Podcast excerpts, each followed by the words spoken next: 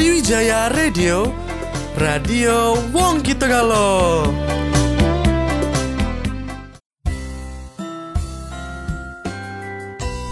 Gelato, jelajah daerah kita.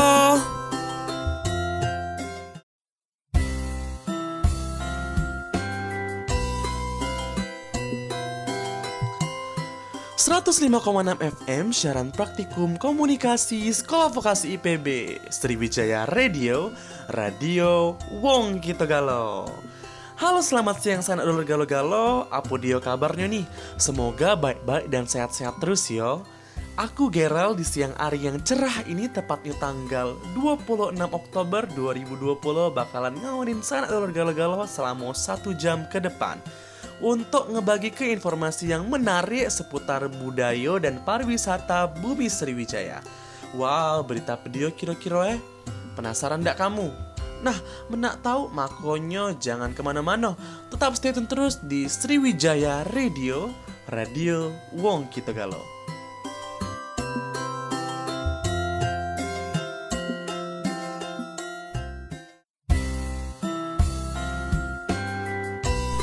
Gelato, jelajah daerah kita.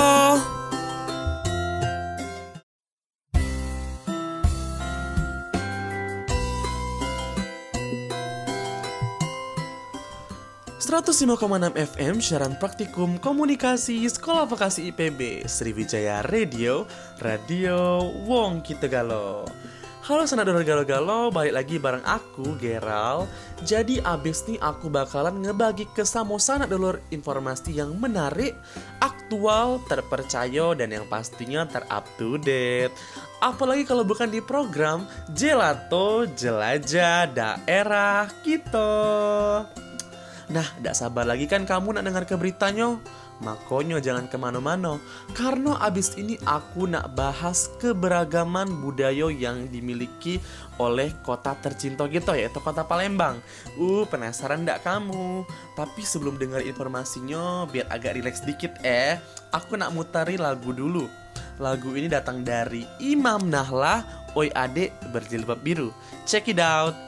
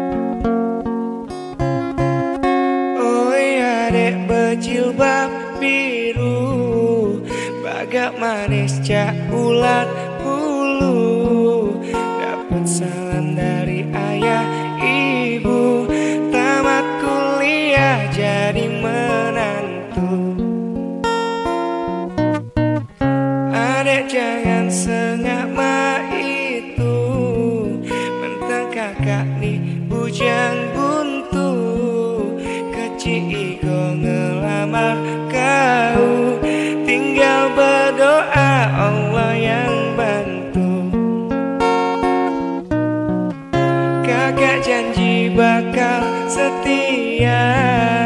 Bimbing adek sampai ke surga Dunia ini hanya sementara. Payung gancang itu kekal.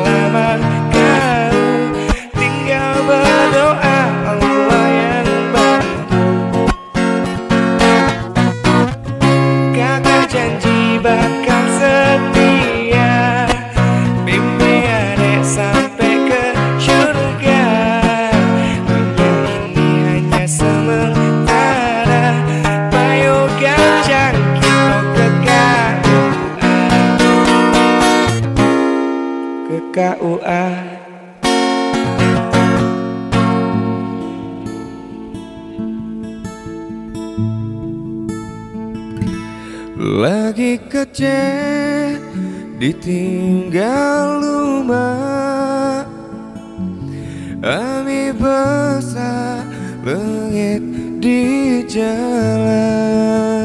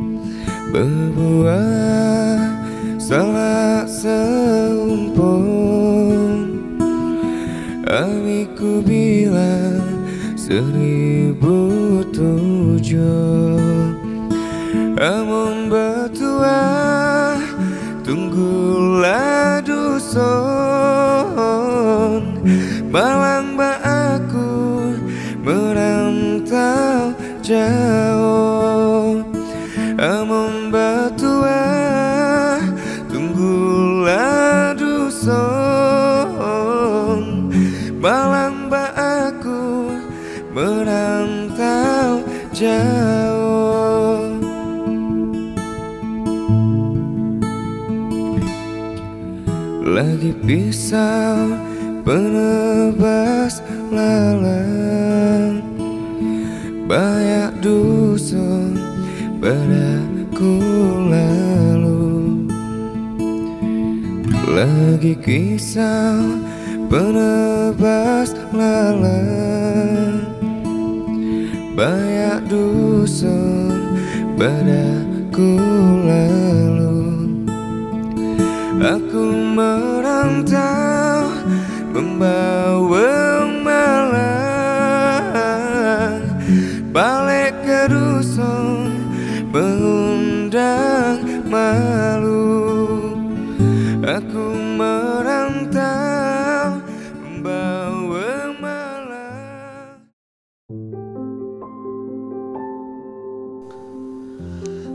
sanak dulurku galo-galo, zaman ma ini ari virus COVID-19 ini lagi seru-serunya nih di daerah kita.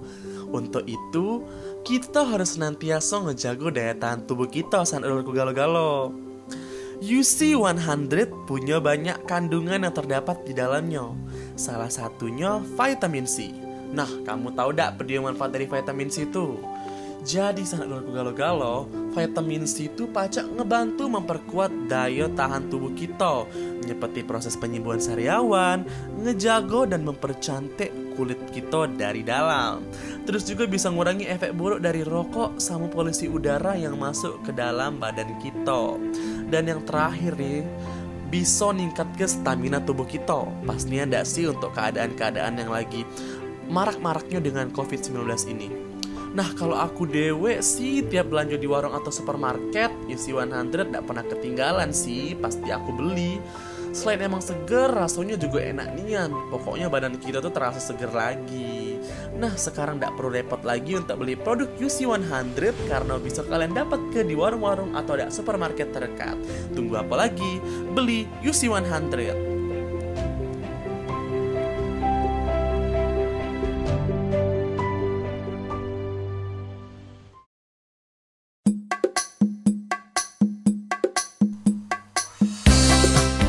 105,6 FM Siaran Praktikum Komunikasi Sekolah Vokasi IPB Sriwijaya Radio Radio Wong Kitogalo.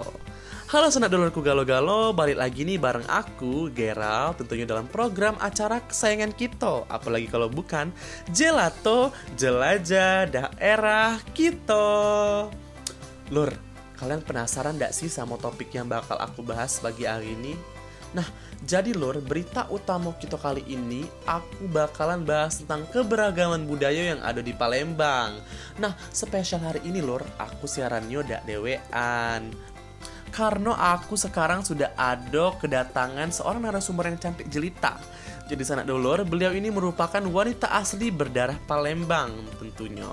Oke lor, tanpa panjang lebar, peh langsung baik kita kenalan sama kakaknya.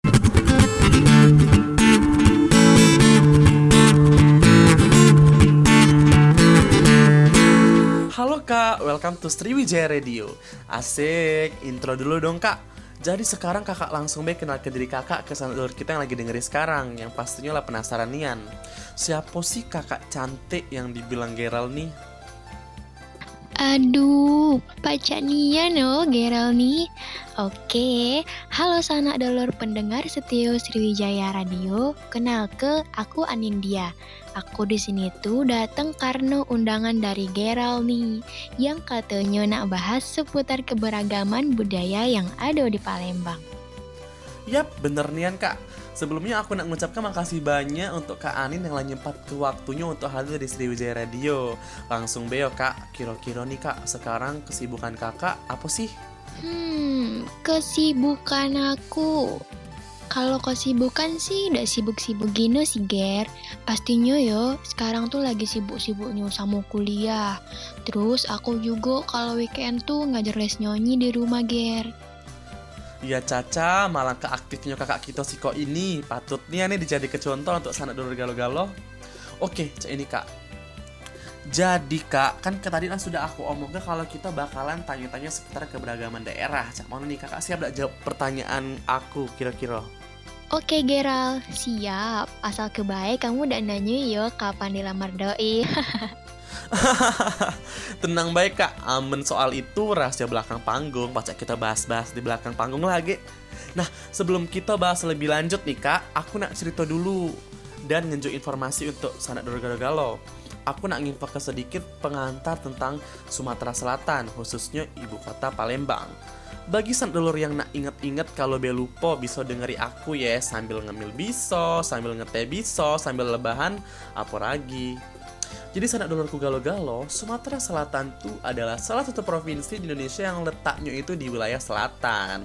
Pulau Sumatera tentunya karena Sumatera Selatan. Tentunya dengan ibu kotanya yaitu kota Palembang. Oh iya, yang perlu kita tahu nih bahwasanya kebudayaan Palembang tuh sebagian besar dipengaruhi oleh budaya Melayu loh. Hmm, selain itu pula ada juga yang dipengaruhi oleh Islam bahkan kerajaan Sriwijaya. Waduh latar belakangnya bela kerennya ndak sih? Kerajaan Sriwijaya kerajaan terbesar. Asli bangga nih aku jadi wong Palembang.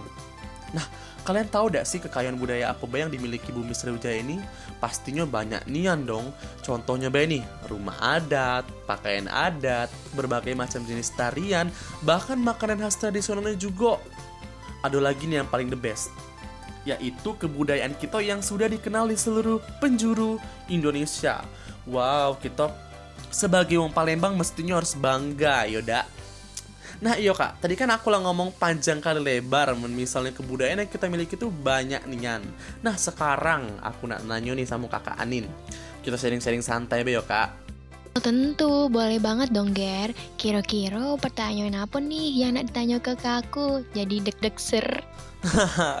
Aduh kak, kan aku jadi deg-degan plot nih kalau kakak deg-degan. Jadi cek ini kak, seperti yang kita tahu nih kak bahwa kebudayaan suatu daerah tuh tidak bisa lepas dari yang namanya rumah adat. Mecak Palembang dengan rumah limasnya kak. Nah pastinya rumah adat itu ada pembagian cak itu kan kak. Aku nak tahu baik dong kak bagian-bagian apa baik sih yang dimiliki rumah limas. Sebenarnya sih aku tuh pernah belajar dan pernah tahu, tapi aku tuh cak lupa-lupa ingat itu. Nah, gue tidak disikap dijelaskan lagi biar sekalian kita merefresh pengetahuan kita sama pengetahuan sanak dulur yang dengar ke. Nah itulah, ini contoh anak yang jarang belajar sejarah caknya Canda Geral, canda Tapi ada benernya juga sih kak. Oke Geral, jadi ini tuh tentang bagian-bagian rumah limas yo. Hmm, oke oke, mungkin nanti tuh aku jelasinnya dari umum ke khusus baik yo Ger. Lanjak ke kak, boleh nian. Jadi sana dulurku galo-galo, rumah adat limas itu luas nian loh. Ada yang tahu dak nih? Kalau ada, nanti aku kasih permen nih, ada yang mau ndak? Jadi, luas rumah Limas itu kira-kira 400 sampai 1000 meter persegi loh. Wah, luas nian kak. Aku pernah sih ke sana kak, tapi tidak keliling-keliling sih, jadi tidak terlalu tahu sih. Eits, jangan keliling juga Geral. Kage disangku mamang es si kakak bisa bayar nih. Kado aku disamu-samu ke mamang es. Untuk sanak dulurku galo-galo nih, dengari baik-baik yo. Jadi, keseluruhan rumah limas itu bertopang sama tiang-tiang kayu yang tertanam di tanahnya. Untuk bagiannya sendiri, yakni ada ruangan utama atau ruang gajah, pangkeng atau bilik tidur, dan pawon atau dapur. Oke, dari ruang utama dulu ya. Nah, ruang utama atau ruang gajah ini letaknya tuh di tingkat yang paling pojok dan terdapat di bawah atap lima soger. Nah, di ruangan ini tuh terdapat amben atau ruang musyawarah. Ruangan ini merupakan pusat dari rumah limas, baik untuk keperluan adat maupun dari dekorasinya. Yang kedua, untuk bagian pangkeng merupakan bilik tidur. Nah, bagian ruangan ini terdapat di sisi kanan atau di sisi kiri. Terus, untuk memasuki ruangan pangking ini harus dilakukan dengan melewati sebuah penutup pintu yang berbentuk kotak itu, Ger. Nah, kotak tersebut berfungsi sebagai tempat penyimpanan berbagai perkakas. Terus di bagian belakang ada yang namanya pawon yang seperti aku bilang tadi Ger. Nah pawon merupakan bagian dapur dari rumah adat Limas. Kata pawon sebenarnya udah hanya dikenal di Sumatera Selatan loh Ger. Bagi masyarakat Jawa selain mengadaptasi bentuk rumah Limas, mereka juga mengenal kata pawon untuk menyebut ke posisi dapur di rumah mereka. Terus, berbagai bagian dan juga posisi yang ada dalam rumah limas memiliki filosofi kehidupan. Keren dah tuh, ada filosofinya. Nah, rumah tersebut secara filosofi mengatur sistem keprotokolan yang rapi dan teratur. Tempat duduk para tamu untuk bersedekah di ruang gajah juga diatur berdasarkan posisinya di masyarakat. Wow, aku sampai terkagum-kagum kak dengar penjelasan kakak karena benar-benar uh, mudah dipahami dan detailnya yang kakak jelasinnya. Sumpah sih aku sebagai orang Palembang bangga nian sih dan tentunya sanak dorong yang dengar harus bangga juga ya sama kebudayaan kita. Hmm, jelas dong Ger, harus bangga dong, karena itu merupakan warisan budaya kita. Iyo kak, bener nian. Oh iya kak, selain rumah adat, kita juga punya pakaian adat kan kak, di mana pakaian adat ini tentunya tidak bakalan lepas dari ciri khas suatu daerah, termasuk Palembang Dewe. Nah, kalau menurut kakak nih, Cak Mano sih penjelasannya mengenai pakaian adat kita menurut yang Kak Anin tahu. Boleh dong dijelaskan ke sana dorong lagi dengari sekarang. Jadi, untuk pakaian adatnya sendiri, Sumatera Selatan memiliki pakaian khas yang tersusun dari bagian pojok bawah sampai bagian kepala. Namun kita nih sering kali menggunakan mahkota loh sebagai penghiasan nyoger. Bagian tubuh mereka menggunakan penutup tubuh yang terbuat dari kain songket. Nah, kain songket ini tuh menutupi tubuh sampai ke bagian bawah atau kaki. Sama halnya di daerah lainnya, Ger. Biasanya pakaian adat sering dipakai di acara yang sakral seperti upacara pernikahan, ya kan? Nah, kain songket yang dipakai di pakaian tradisional Sumatera Selatan itu merupakan jenis kain yang terkenal nian di penjuru Nusantara. Popularitasnya tidak kalah mena dibandingkan dengan batik. Kain songket dah hanya dibuat untuk pakaian tradisional loh, Ger tapi juga banyak perancang busana yang menggunakannya untuk pembuatan pakaian modern. Aduh, keren banget sih itu. Terus selain itu pula, kain songket juga sering digunakan untuk pembuatan kain sarung. Wah wah berarti kain songket kita ini sudah ada di mana-mana ya kak penjuru Nusantara bahkan nih ya kak katonyo yang aku denger dengar kain songket tuh lagu internasional karena uh, tau deh bentuk kain songket tuh yang sangat indah dengan motifnya dengan polanya sampai itu tuh digemari di seluruh mancanegara Wah keren nih ya, sungguh dahsyat sekali. Aku be sampai merinding kak dengernya, tak kagum-kagum nih asli. Nah, karena dari tadi Kak Anin ngomong terus nih sana dulu, kita minta dia istirahat bentar lah ya minum-minum biar gak capek nih sebelum lanjut ke pertanyaan selanjutnya. Oh iya, ini kerongkongan lah kering juga nih Ger, gara-gara ngomong-ngomong terus dari tadi dak. Nah, sanak dulu galo-galo sembari Kak Dila minum ya. Aku nak kasih tahu nih selain rumah adat dan pakaian adat, kita juga punya kebudayaan yang berupa tarian khas seperti tari tanggai, tari tenun songket, tari putri bahuse, tari menyadap karet dan tari made. Nah, dari kelima jenis tari ini, Kak, aku nak tahu dong penjelasan makna tarian Putri Bahuse, tarian Tanggai, dan juga tari Madi, Kak. Penasaran nian, soalnya nama tarian itu unik cek itu, Kak. Aku tahu sih, pasti Kak Anin tahu lah, karena aku tahu Kak Anin tuh uh, anak sendirian, pasti bisa lah jawabnya. Oke, Kak, biar biar uh, kita yang dengeri bisa tahu juga informasinya. Wah, seru nih ya nih kalau bahas tarian, aku jadi seneng. Oke, tadi yang pertama tuh ada tarian Putri Bakuse ya. Nah, menurut yang aku tahu, tarian ini tuh memperlihatkan tarian ketika Putri lagi bermain. Tarian ini tuh merupakan lambang dari kemakmuran daerah Sumatera Selatan ini, Ger, yaitu nyo kayo akan sumber daya alamnya. Terus yang kedua itu ada tarian tanggai. Nah, tarian ini sering dilakukan untuk menyambut tamu-tamu penting dalam acara tertentu, Ger. Meca acara-acara formal atau acara pernikahan. Dan kemudian tari ini dibawa ke oleh lima wong atau lebih dengan memakai pakaian adat tarian atau adat uh, dan lalu mengapa tarian ini juga disebut tari tanggai? Yo karena para penarinya pakai tanggai yang terbuat dari tembaga. Tarian ini tuh disajikan dengan memadu padankan pakaian adat dan lemah gemulainya gerakan penari. Gero dan sanak dalur galo-galo perlu tahu nih, tari tanggai mengandung filosofi bahwa masyarakat Sumatera Selatan itu adalah masyarakat yang ramah, menghargai, dan juga menghormati orang lain. Tadi yang ketiga ada tari apa, Ger? Yang ketiga tadi tari madi, Kak. Tari madi. Oh iya, lupa pula. Nah, tarian ini memperlihatkan proses uang tua lanang dalam memilih calon menantu mereka. Dalam proses pemilihan itu, uang tua lanang datang ke tempat keluarga perempuan untuk melihat madi dan nindai si perempuan. Hal tersebut dilakukan untuk calon mempelai perempuan tentunya Ger dan diharap ke dengan memiliki kepribadian yang baik, si perempuan bisa menjaga pernikahannya yang langgeng bersama calon suami. Cak itulah Ger, kira-kira penjelasan mengenai ketiga tarian itu. Uh, gila, mantep nih sih penjelasannya. Semakin terbuka ya pikiran kita untuk mengenal lebih jauh dan akrab sama kebudayaan daerah kita dewe. Dari tadi kita ngobrol-ngobrol, aku jadi lapar nih kak, keinget sama pempek tekwan model. Aduh, jadi lapar kan sumpah. Nah, itu dia Ger. Sumatera Selatan juga mempunyai makanan khas yang merupakan bagian dari kebudayaan kita juga loh. Iya kak, bener nian. Wah, luar biasa nih nih lor. Aku galak dong kak, diceritakan tentang makanan khas Palembang. Boleh dong, sekarang aku lagi semangat-semangatnya nih untuk berbagi cerita dengan anak dolor kita nih Ger mengenai makanan khas ya. Sebenarnya Ger, hampir seluruh masyarakat Indonesia mengenal makanan khas Sumatera Selatan. Iya enggak sih? Siapa sih Ger yang gak tahu dengan pempek Palembang? Jadi lor, pempek dan tekwan itu merupakan dua jenis makanan khas Sumatera Selatan yang begitu tersohor di berbagai daerah. Kelezatan makanan daerah Sumatera Selatan ini cocok nian dengan lidah masyarakat Indonesia lor, baik pempek, tekwan, model, dan lain sebagainya. Nah, semua makanan khas-khas itu melambangkan kebudayaan dan kekayaan alam Indonesia loh.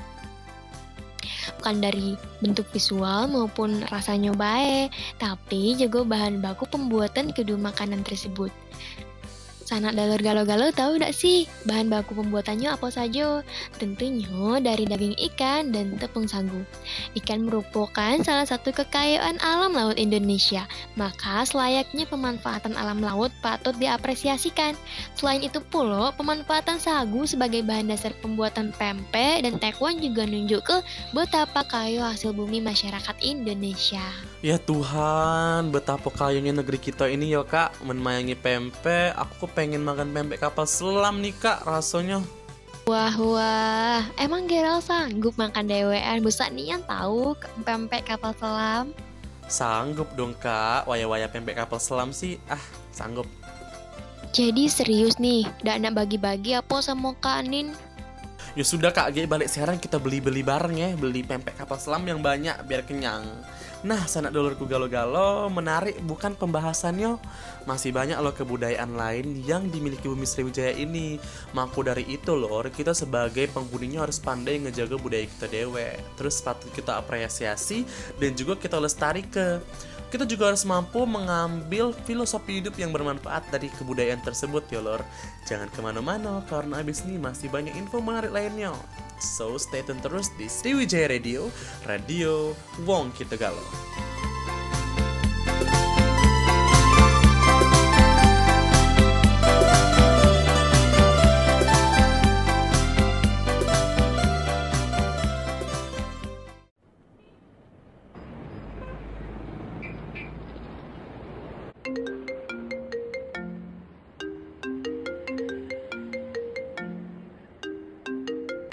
Ay damn, siapa pula yang nelpon nih? Mau lagi di jalan? Angkat belah, lagi penting. Iyo, halo. Halo Ral, di mana? Jadi datang ke acara ulang tahun aku kan kau? Iyo, iyo, jadi sabar Roy, ini lagi jalan aku, dengar lagi metu. Tunggu ya. Cepet lah oi, acaranya lah nak dimulai. Iyo, iyo, iyo, ini aku ngebut nah, tunggu ya.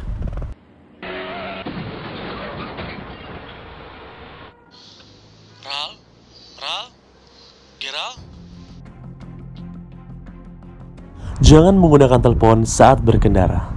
Iklan layanan masyarakat ini dipersembahkan oleh Dinas Perhubungan Provinsi Sumatera Selatan.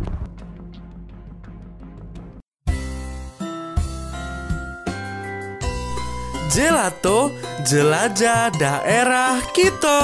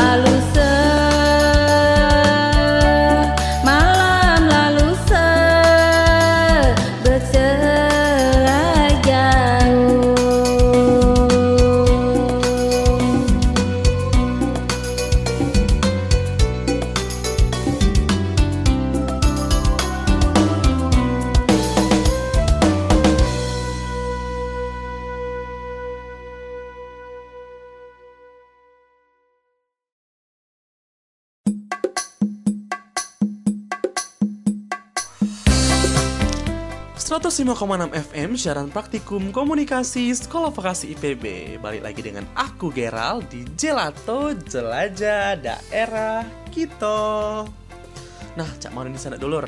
Di air pekan Cak ini enaknya yo jalan-jalan ndak sih? Tapi semenjak corona, jujur ya aku dewa lah jarang nih sih jalan-jalan ataupun cuman untuk sekedar pergi keluar.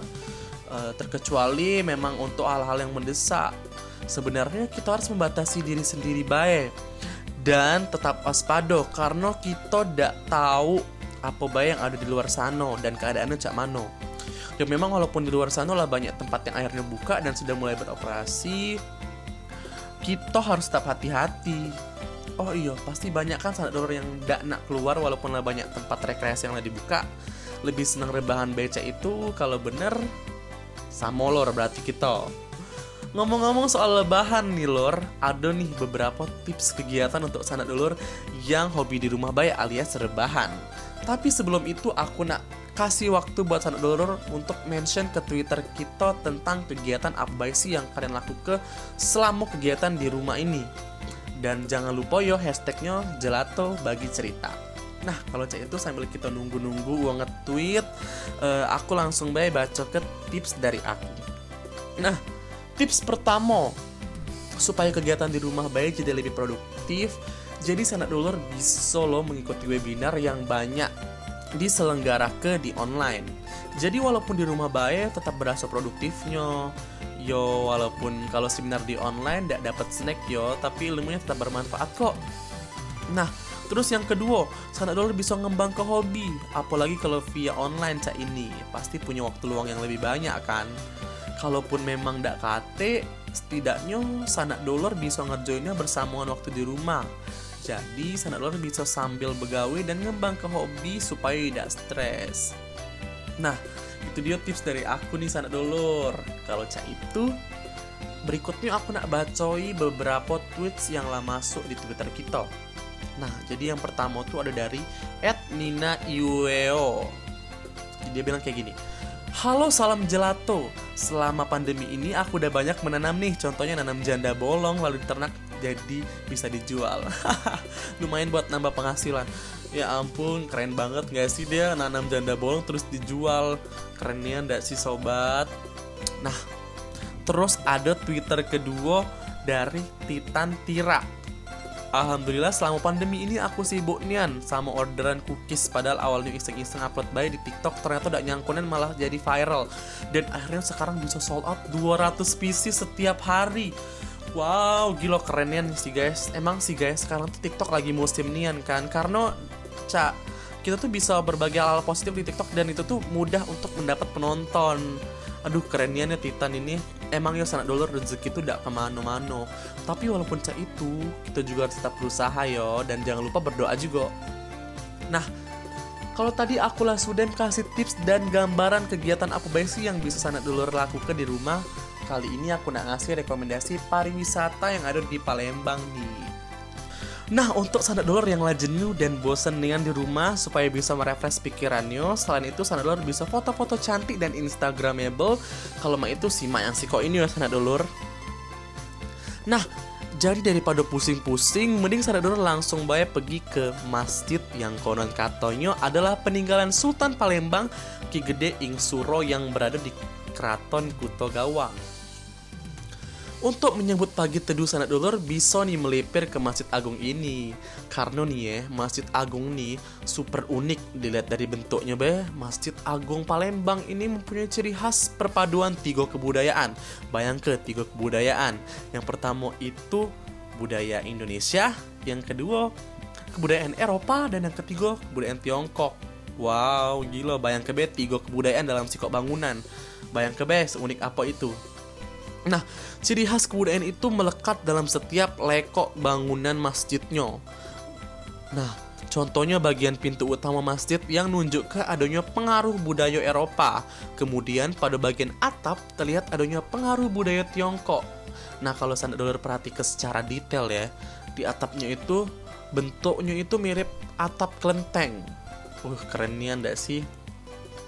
Aku sih sebagai warga Palembang bangga nian sih karena selain nunjuk ke sisi toleransi, hal ini juga sangat unik dan bagus. Cocok nian untuk sanak dulur yang nak ibadah habis itu berwisata. Bisa langsung foto terus update di ke sosmed. Nah, Oke, biar informasi wisata ini jadi lebih informatif, aku di sini lah ngundang salah satu travel vlogger dari Jakarta yang kebetulan nih nih katanya lagi berkunjung ke Palembang di sana dulur. Tebak siapa? Beruntung nih pokoknya kamu dengari Gelato hari ini karena kedatangan salah satu vlogger yang terkenal nih. Oke langsung baik, jadi ya gimana kabarnya nih Kak Tia SW?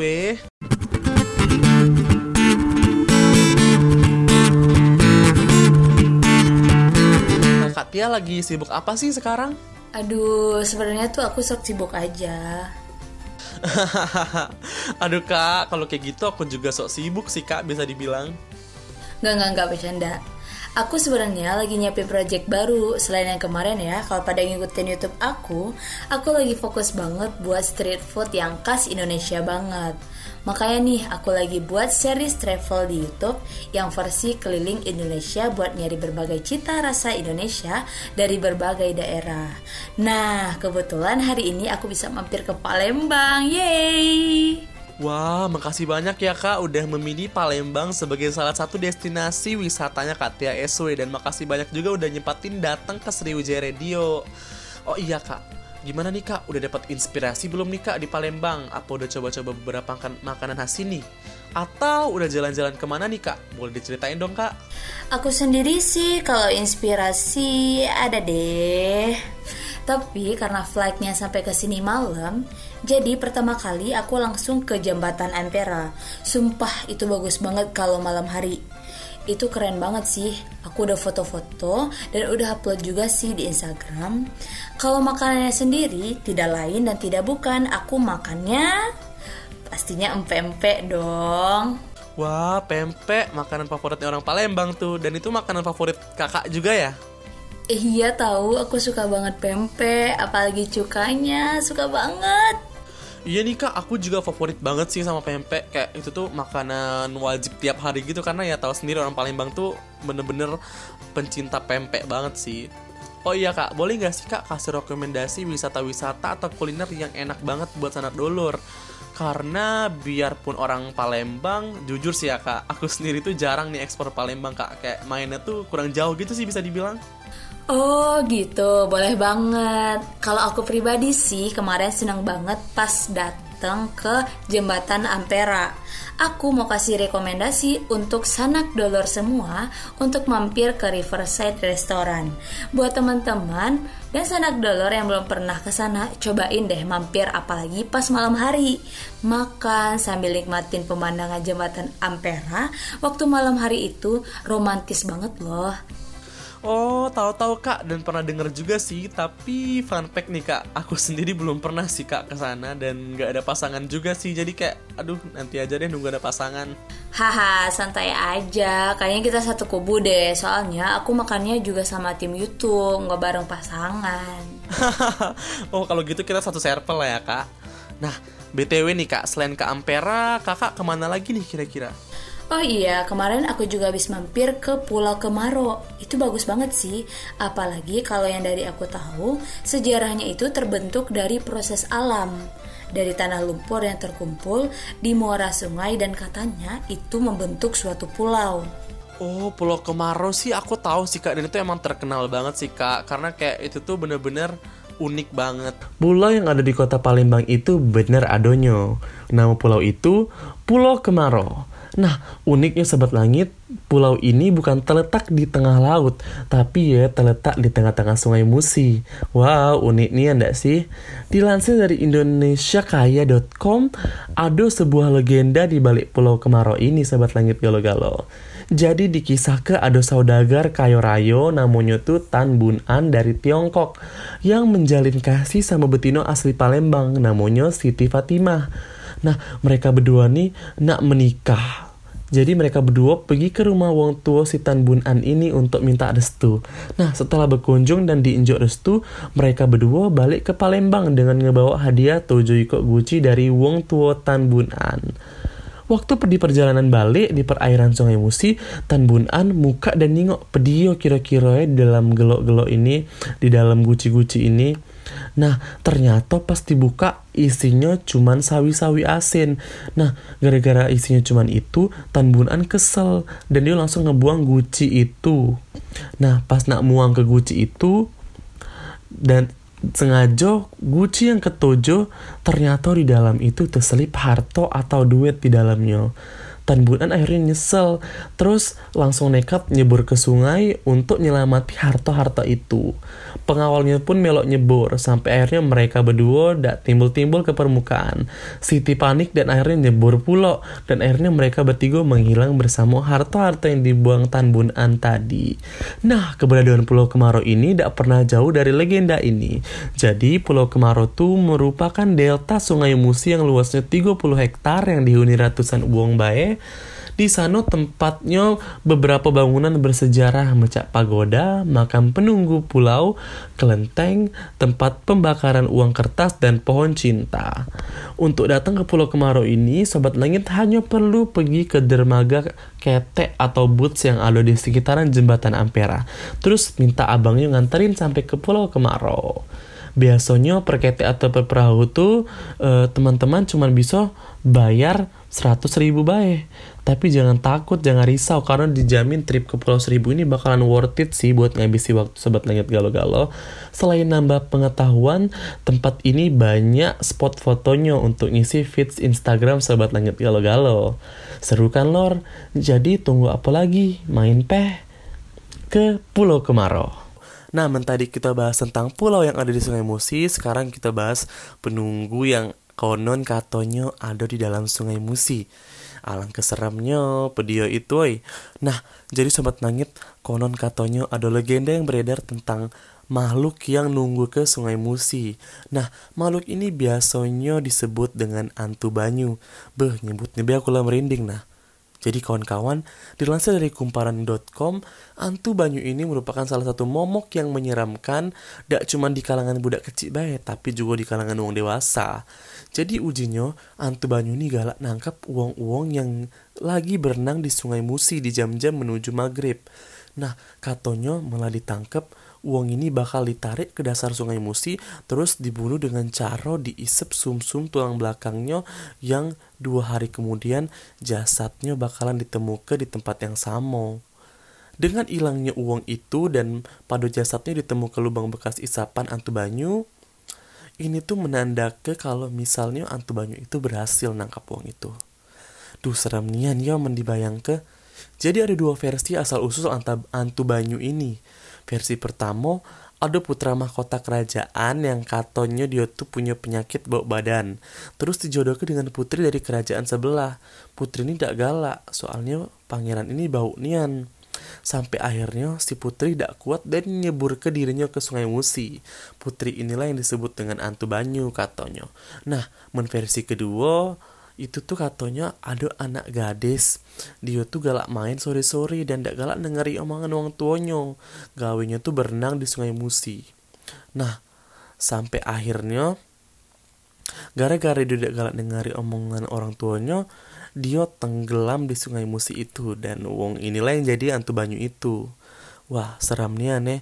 Tapi terlepas dari adonian apoida cerita ini kita doakan semoga dak kate terjadi lagi wong hilang ya sumpah aku salut banget sama Kak Tia SW karena kayak bisa sampai hafal banget begitu ya padahal pengunjung loh Hehe, hafal dong karena di sana adalah salah satu spot yang paling aku suka. Suasana di sana kayak lagi pergi ke Cina. Pokoknya beda banget deh feelnya. Hmm, iya sih kak, iya bener banget sih kalau ke situ aku udah pernah sih dan emang tempatnya tuh seunik itu guys dan bener sih kata kak TSW itu tuh feel vibesnya tuh Cina banget sih kayak jadi kalian tuh berasa di luar negeri gitu. Oh iya kak, aku udah ada beberapa tweet yang masuk dari Twitter nih buat Kak Tia SW. Uh, jadi ini ada pertanyaan nih yang pertama dari Abel L-nya double YC. Hai Kak Tia, selamat datang di Palembang ya. Semoga senang di sini. Oh iya Kak, mau tips dan trik traveling dong Kak. Tuh Kak, ditanyain tips traveling dari Abel L-nya double YC. Oke, okay, aku jawab ya. Tips and trik dari aku sih gampang banget Pokoknya sebelum pergi sanak dolor harus bikin list dulu kalian tuh mau ke mana budgetnya berapa, naik apa, semuanya harus ditulis terlebih dahulu. Dan paling penting yaitu sesuaikan baju dengan kondisi kota atau negara yang mau kalian kunjungin. Karena ini penting banget loh, kalau salah kostum atau bajunya nggak nyaman sama kamu, moodnya pasti nggak bakalan bagus buat nge-explore tempat-tempat yang ada. Kira-kira itu deh tips and trick dari aku untuk sanak dolor yang ingin pergi traveling. Eh, eh bener banget sih kak Kadang kalau bajunya aja udah nggak nyaman Rasanya mood jadi jelek banget gitu sih Boro-boro mau nge-explore Mau foto aja udah males gitu nggak sih Nah, bener kan sanak dolor? Menurut aku, outfit itu sangat penting untuk diperhatikan kalau mau pergi traveling. Apalagi kalau sanak dolor mau pergi explore alam. Tuh guys, jadi tadi itu tips uh, untuk traveling dari KTSW Didengerin ya sarannya Nah, terus Kak ada lagi nih Kak tweet kedua dari Ed Sekala. Seneng banget Kak Tia mampir ke Palembang. Jangan lupa mampir ke air terjun Lematang Indah ya Kak. Tuh Kak ditanyain udah belum ke Lemat ke air terjun Lematang Indah. Oh iya nih, air terjun Lematang Indah udah masuk ke list jalan-jalan aku sebenarnya. Nah, rencananya besok sih aku bakalan ke sana sama tim aku. Oke deh kak, kalau udah main ke sana jangan lupa update ya kak, biar sekalian promosiin pariwisata yang ada di Palembang juga. Aku nunggu banget loh BTW video-video dari KTSW, seru banget soalnya. Hmm, beneran seru nggak nih? Apa peres aja gara-gara ada aku di radio kamu? Beneran dong kak, jujur ya kak, aku tuh uh, udah subscribe channel Kak Tia tuh dari udah lama banget gitu loh. Dan aku tuh bener-bener suka banget nontonin video-videonya Kak Tia karena seru dan mengedukatif banget sih sumpah. Nggak bohong nggak peres ini mah. Alhamdulillah deh kalau beneran kamu suka. Kalau subscribe sih wajib dong. Masa kamu nggak subscribe aku? Iya dong, harus di subscribe untuk teman-teman juga jangan lupa ya subscribe channel YouTube-nya Kak Tia SW. Baik deh kak, kalau gitu thank you banget loh kak udah nyempetin datang ke Sriwijaya Radio, apalagi di segmen gelato ini. Jujur aku sebagai penyiar seneng banget sih bisa ketemu kak TSW, kayak mimpi gitu sih, beneran deh kak. Karena aku sendiri kan seneng nonton video kakak dan gak nyangka aja hari ini aku bisa ngomong langsung dan wawancara kakak di program gelato ini. Iya, sama-sama Geral. Makasih juga ya. Aku juga seneng banget deh ketemu sama kamu. Pokoknya sukses terus ya kak untuk KTSW dan jangan lupa mampir lagi ke Gelato kak kalau misalnya ada kesempatan main ke Palembang lagi ya. Siap deh, kalau ada kesempatan lagi ke Palembang, aku bakalan ke sini lagi deh. Bye, sanak dolar.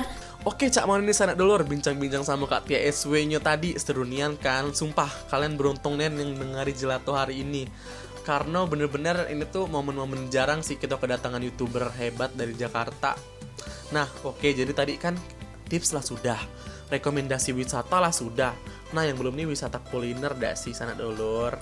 Supaya jalan-jalan yuk dulur tidak kelaparan mending sana dulur langsung bene aku saran ke datang ke Lenggok pasar oleh-olehnya Palembang. Karena di sana tuh pusat oleh-oleh khasnya Palembang jadi di sana tuh ada dua lantai dan salah satunya tuh ada resto Palembang. Selain itu, Lenggok Pasar Oleh-oleh Palembang ini lokasinya berada di seberang Taman Kambang Iwa yang biasanya sering dijadikan tempat olahraga oleh masyarakat sekitar. Nah, sanak dulu di sana tuh bisa lari-lari cantik, pagi hari ataupun sore hari. Terus bisa keliling danau, bisa matching-matching cantik, bisa foto-foto cantik. Pokoknya banyak hal yang bisa dilakukan. Uh, yuk hitung-hitung untuk cuci mata juga kan tapi tidak lupa juga tetap jaga protokol kesehatan dengan pakai masker dan social distancing. Nah, untuk sanador yang bisa olahraga ekstrim yang siko ini, yaitu olahraga skateboard, di Taman Kambang Iwa ini juga ada tempat bermain skateboard atau skate park. Wadaw, kerennya deh sih. Nah, kalau sanak dulur udah lapar lagi, bisa balik lagi ke pusat oleh-oleh yang kata aku tadi, Lenggok Pasar Palembang. Karena selain ngejual macam-macam souvenir, di Lenggok Pasar Palembang juga ada restoran di mana sanak dulur bisa langsung nyoboi makanan khas Palembang. Macam pempek, tekwan, laksan, lakso, dan lain-lain yang pastinya enak-enak nian. Nah, kira-kira lah ngiler belum? Aku lah kebayang nian sih sedapnya makan pempek sambil ngirup cuko. Aduh, jadi aku kan yang ngiler kalau main ceritanya. Nah, Terus yo, habis makan kenyang di Lenggok Pasar Palembang, jangan lupa beli oleh-oleh khas Palembang juga, supaya kita tetap bisa melestari budaya kita, yaitu budaya Palembang. Nah, oh iya, terus Gera ada rekomendasi juga untuk sanak dulur, yaitu rumah makan terapung Bok Sri, namanya be terapung. Nah, pokoknya cepatlah cobain untuk sanak dulur yang nak ngerasoi pengalaman unik makan di pojok sungai tepatnya tuh di belakang Plaza 16 Ilir di kawasan ini tuh banyak nih pasar yang disulap jadi warung terapung besender. Jadi rumah terapung Mbok Sri ini tuh bentukannya tuh kapal warna jinggo pudar dengan sentuhan warna biru. Nah, yang ditunggu-tunggunya nih menu andalannya yaitu pindang. Tahu tidak kamu pindang? Siapa sih yang tidak tahu makanan sedap siko ini? Jadi, Pindang tuh sejenis makanan bekuah mirip sup itu dengan cita rasa seger dan asam. Kalau masalah harga, udah pasti terjangkau nian si sanak dulur. Seporsi pindang ikan lengkap dengan nasi, sambal sama lalapan bisa dibeli dengan harga mulai dari 20 ribu bae. Murah nian ndak sih dengan harga sama itu, sanak dulur bisa ngerasa ke sensasi makan yang beda karena rasanya dewe enak, terus juga sensasi goyangan dari kapal di pucuk sungai. Plus sanak dulur juga bisa nyingok hilir mudik perahu ketek kemagahan jembatan Ampera sama kesibukan di tepi sungai Musi. Serunian kan dulur? Kalau mah itu, yuk langsung be mampir ke sini yuk. Nah, jangan ke mana-mana ya, tetap stay tune terus di Sriwijaya Radio, Radio Wong gitu kalau.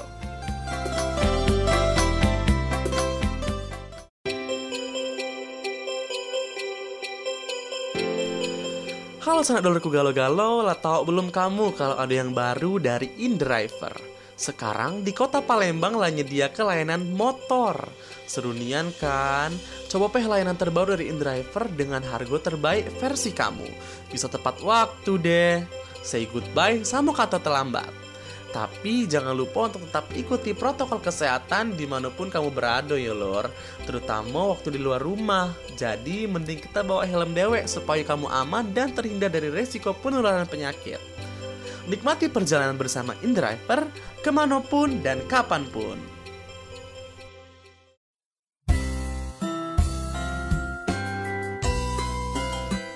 105,6 FM siaran praktikum komunikasi Sekolah Vokasi IPB Wah, gak terasa lah satu jam aku ngerewangi sana dulur galo-galo. Jadi ini waktunya aku pamit undur diri.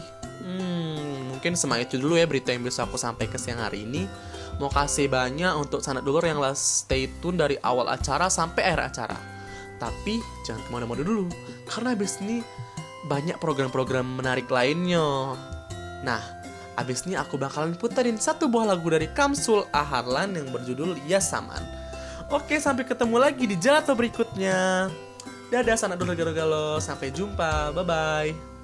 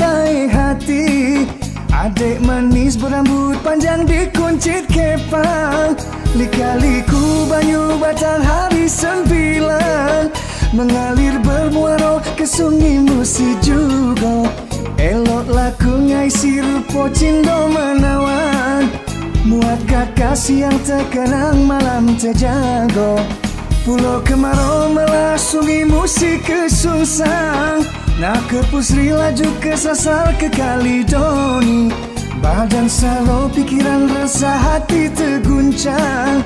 Ngarap ke adik kalau begala jadi bini. Ayah ayah ayah sama. Pedanya mudah tapi saronian Ayah sama. Nyari bini yang benar-benar stoloan saman Pecahnya mudah tapi saronian Ay ay ay ay ya Nyari bini yang benar-benar stoloan Ay ay ay ay ya saman Ya saman, ya saman, ya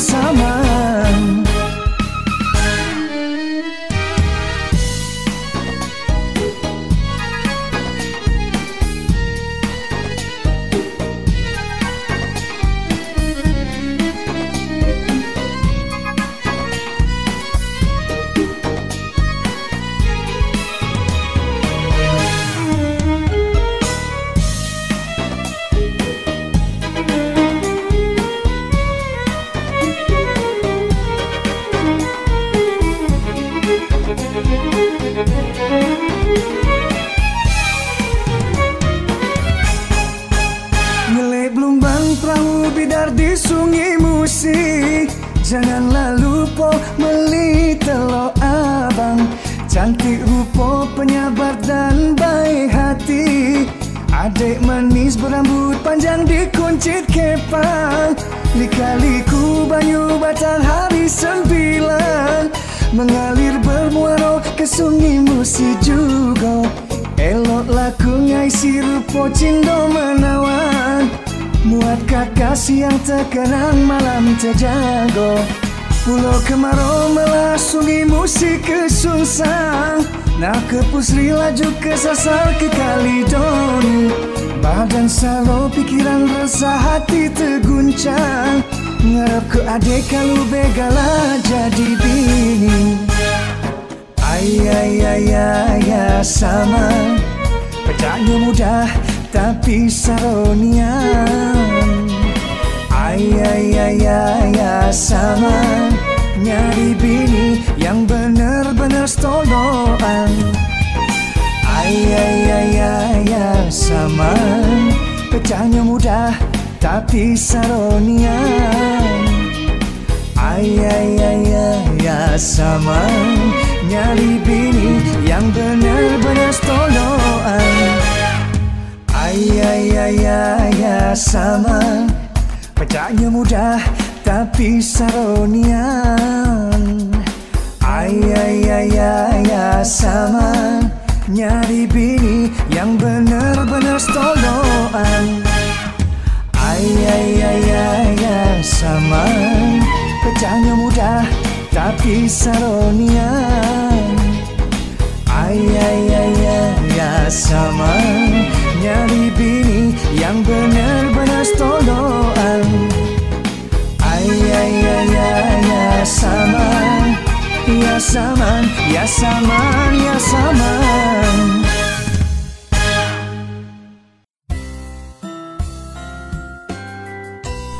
Gelato Jelajah Daerah Kita.